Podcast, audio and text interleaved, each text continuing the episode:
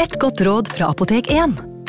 Nå er snart pollensesongen i gang, og et godt råd til deg som sliter med pollenallergi, er å begynne behandlingen i god tid før allergisesongen starter. Da får du nemlig enda bedre effekt av legemidlene, og så blir ikke våren din helt ødelagt.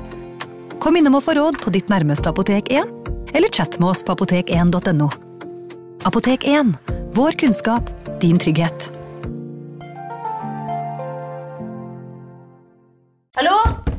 Oslo politikammer.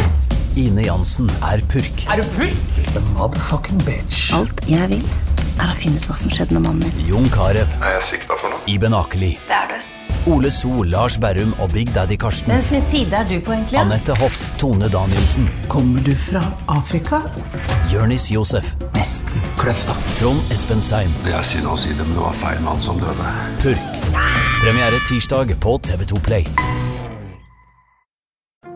Ungsamtalen fra DNB er økonomisk veiledning tilpasset deg som er ung.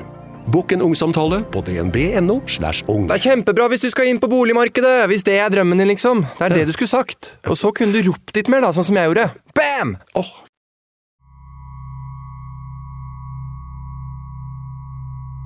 Elsa Schmidt kastet seg fra side om side i sengen og forsøkte å finne en komfortabel liggestilling.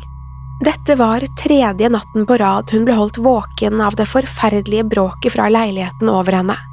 Før det var hun blitt vekket minst én gang i uken av høye dunk, slepelyder og verst av alt, grusomme hyl. Selv om lydene forstyrret natteroen hennes, visste Elsa at hun ikke kunne gjøre noe med det. Hva som foregikk innenfor de fire veggene i leiligheten over, var ikke hennes sak.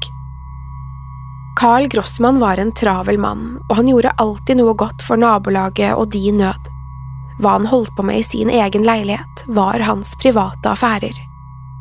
Da hun innså at det ikke hjalp å kaste seg rundt i sengen lenger, ble Elsa liggende på ryggen og lytte. Hun kunne fremdeles høre kvinnen der oppe skrike i frykt og fortvilelse. I tillegg var det noe som hørtes ut som et glass eller en kopp som falt i gulvet og ble knust.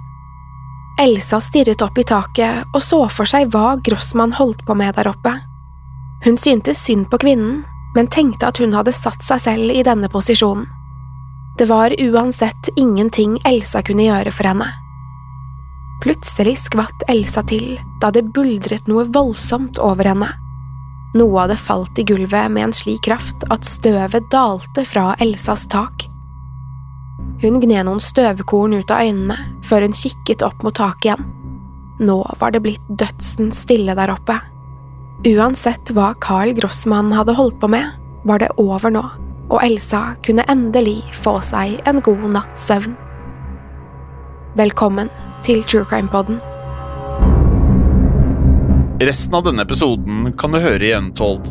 Her får du tilgang til denne episoden samt en rekke andre eksklusive og reklamefrie podkaster. Last ned Untold i Google Play eller AppStore i dag, og start din 30 dagers gratis prøveperiode.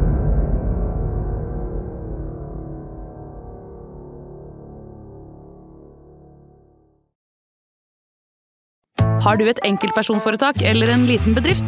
Da er du sikkert lei av å høre meg snakke om hvor enkelt det er med kvitteringer og bilag i fiken, så vi eh, gir oss her, vi. Fordi vi liker enkelt.